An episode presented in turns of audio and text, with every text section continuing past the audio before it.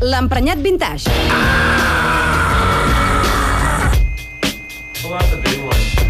Amb Ricard Martín.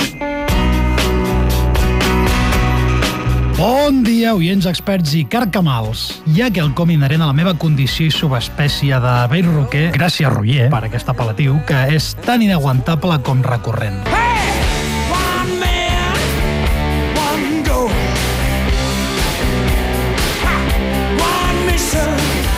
Aquell concepte vell i que es posa sobre l'autenticitat. Vivim temps de ximpleria digital. Tothom té una opinió que es deixa sentir. I, és clar, se senten les veus més cridaneres, no pas més les intel·ligents, clar. En els darrers temps s'ha polaritzat un debat que té l'estúpid i al·lusiu concepte d'autenticitat rockera fins al moll de l'os. Un debat digne del Homer Simpson més unicel·lular. Oiga, operadora, ¿cuál es el número del 091? Rosalía versus Queen. Galileo, Galileo, Galileo Figaro. Samarreta Imperi Carajillo. Posa música autèntica. Els murs de Facebook van plens de comentaris de cunyats rancis que deixen anar allò de... Està molt bé el revival de Queen, així la joventut sabrà què és la bona música autèntica i no pas això de la Rosalia. Mare meva, quanta ximpleria. Autenticitat. Això és més aviat un eructe de callos a la madrilenya que entela el llegat musical de Freddie Mercury i companyia.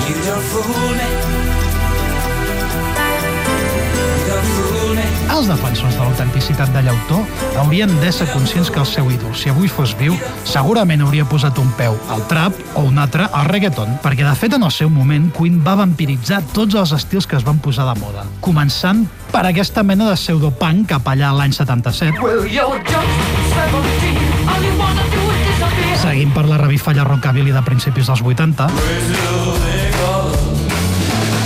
o arrimant l'ascua, si em permeteu la xabacaneria, al synth pop 80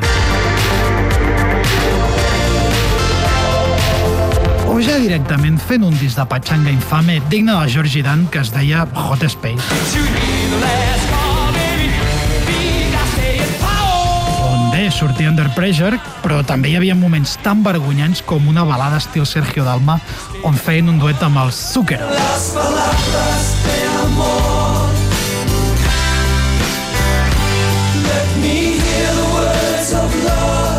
Que els defensors de l'autenticitat rockera farien bé de recordar cada cop que invoquin el fantasma del cabell d'escarola de Brian May i els seus solos de guitarra interminables. O sigui que, vells rockers que feu banderola del rotllo autèntic, seguiu el consell d'aquesta grandiosa cançó de Taràntula. Métete los mitos en el culo. Los mitos y las leyendas en el culo. Exacte, us foteu els mites i l'autenticitat per on us càpiga. Perquè allò més irritant dels que tenen l'autenticitat a la boca a les 24 hores és que creuen que això els dona patent d'acords a opinar de tot en el sagrat nom de la seva virtut. Everybody's talking at me. Can't hear a word they're saying. Tothom parla i diu la seva, com en aquesta clàssica cançó de Harry Nilsson. Això sí que era autèntic i no pas els folkis tipus Father John Shitty o com es digui ara, diria algun yonqui de l'autenticitat. Ara, el que fa més por de tot això de l'autenticitat de Queen és veure quina magnitud sideral pot agafar un revival rocker en l'era digital. El cas de la revifalla de Queen fa un pessic de por i de fàstic, perquè ens ensenya què passa quan la banda més mainstream del planeta agafa una volada de mainstream sideral, propulsada per la generació millennial. Ja sabeu que Bohemian Rhapsody és la cançó més escoltada de tota la refotuda història. No te'n pots abstreure, com no et pots abstreure de la Rosalia. People are strange when you're a stranger. Faces look ugly. Vale, la gent és rara, que deien The Doors.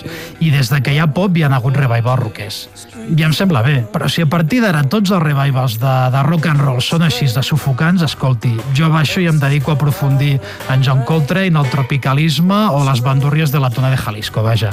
Recordeu allò que deia Clint Eastwood. Les opinions són com els culs. Tothom en té un. I la majoria fan pudor, que diria jo. O sigui que, sigueu autèntics fans de Queen o puristes del flamenc, us guardeu la vostra opinió i només l'expresseu si us la demanen o si us paguen. Carcamals! Come out of the rain. When no one remembers your name.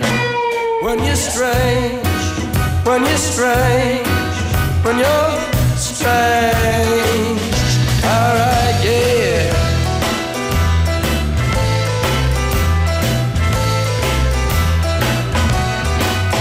Els experts. 3 hores de xapa.